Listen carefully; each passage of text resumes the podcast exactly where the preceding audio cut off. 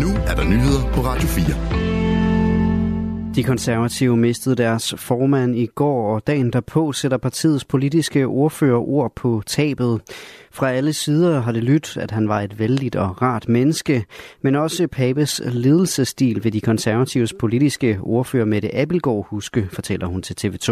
Og det vil jeg tage med mig videre. På den måde vil han altid være en inspiration øh, for os alle sammen. Så selvom at Sørens tid øh, i dansk politik og på jorden i det hele taget ikke blev så lang, som den burde have været, så har han stadigvæk gjort et, øh, et stort indtryk.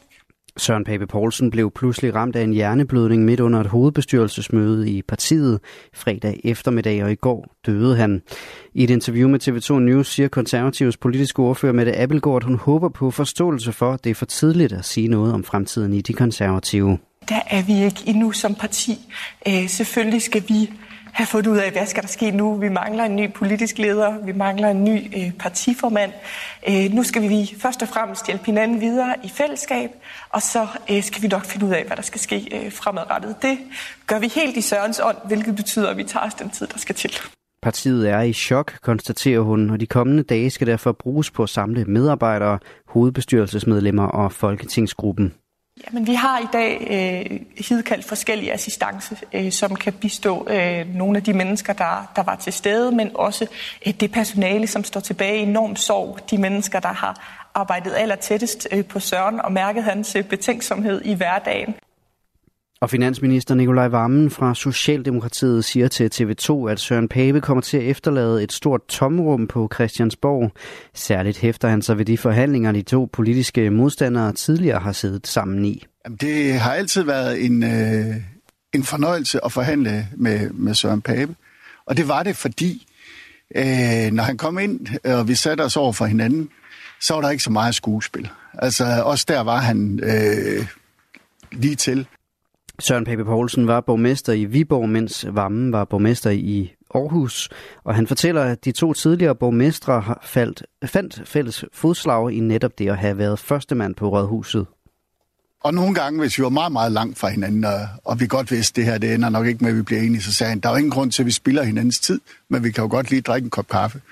Øh, og andre gange, hvor vi vidste, at her skulle vi nok kunne møde hinanden, så sagde han sådan med glemt i øjet, øh, skal vi gøre det på borgmestermåden? Og han havde jo været borgmester, og jeg havde været borgmester. Og når han sagde det, så vidste jeg, så var det hans måde at sige på, det her, det finder vi nok ud af. Og langt de fleste gange, så fandt vi ud af tingene sammen.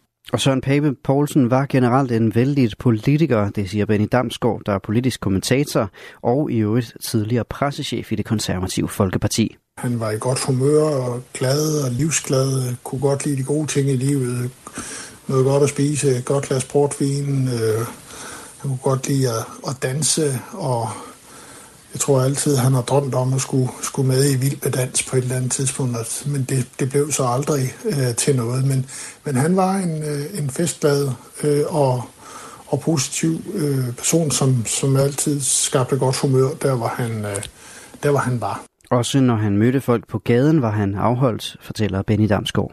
Jamen, han havde sådan en umiddelbar evne til at gå ind i folk med træsko på, eller man skal sige, han, han var, øh, han havde, han havde nemt med, med at, at tale med folk og snakke med folk, og det, øh, det gjorde bare, at, at det var nemt for ham at, at stå nede på gaden og, og, og tale med, med mennesker. Spillere, trænere og tilskuere klappede i et minut for at ære den tidligere borgmester i Viborg og de konservatives partiformand, inden kampen mellem Viborg FF og Randers FC begyndte her til eftermiddag. I kampen har Viborg bragt sig foran med 2-0.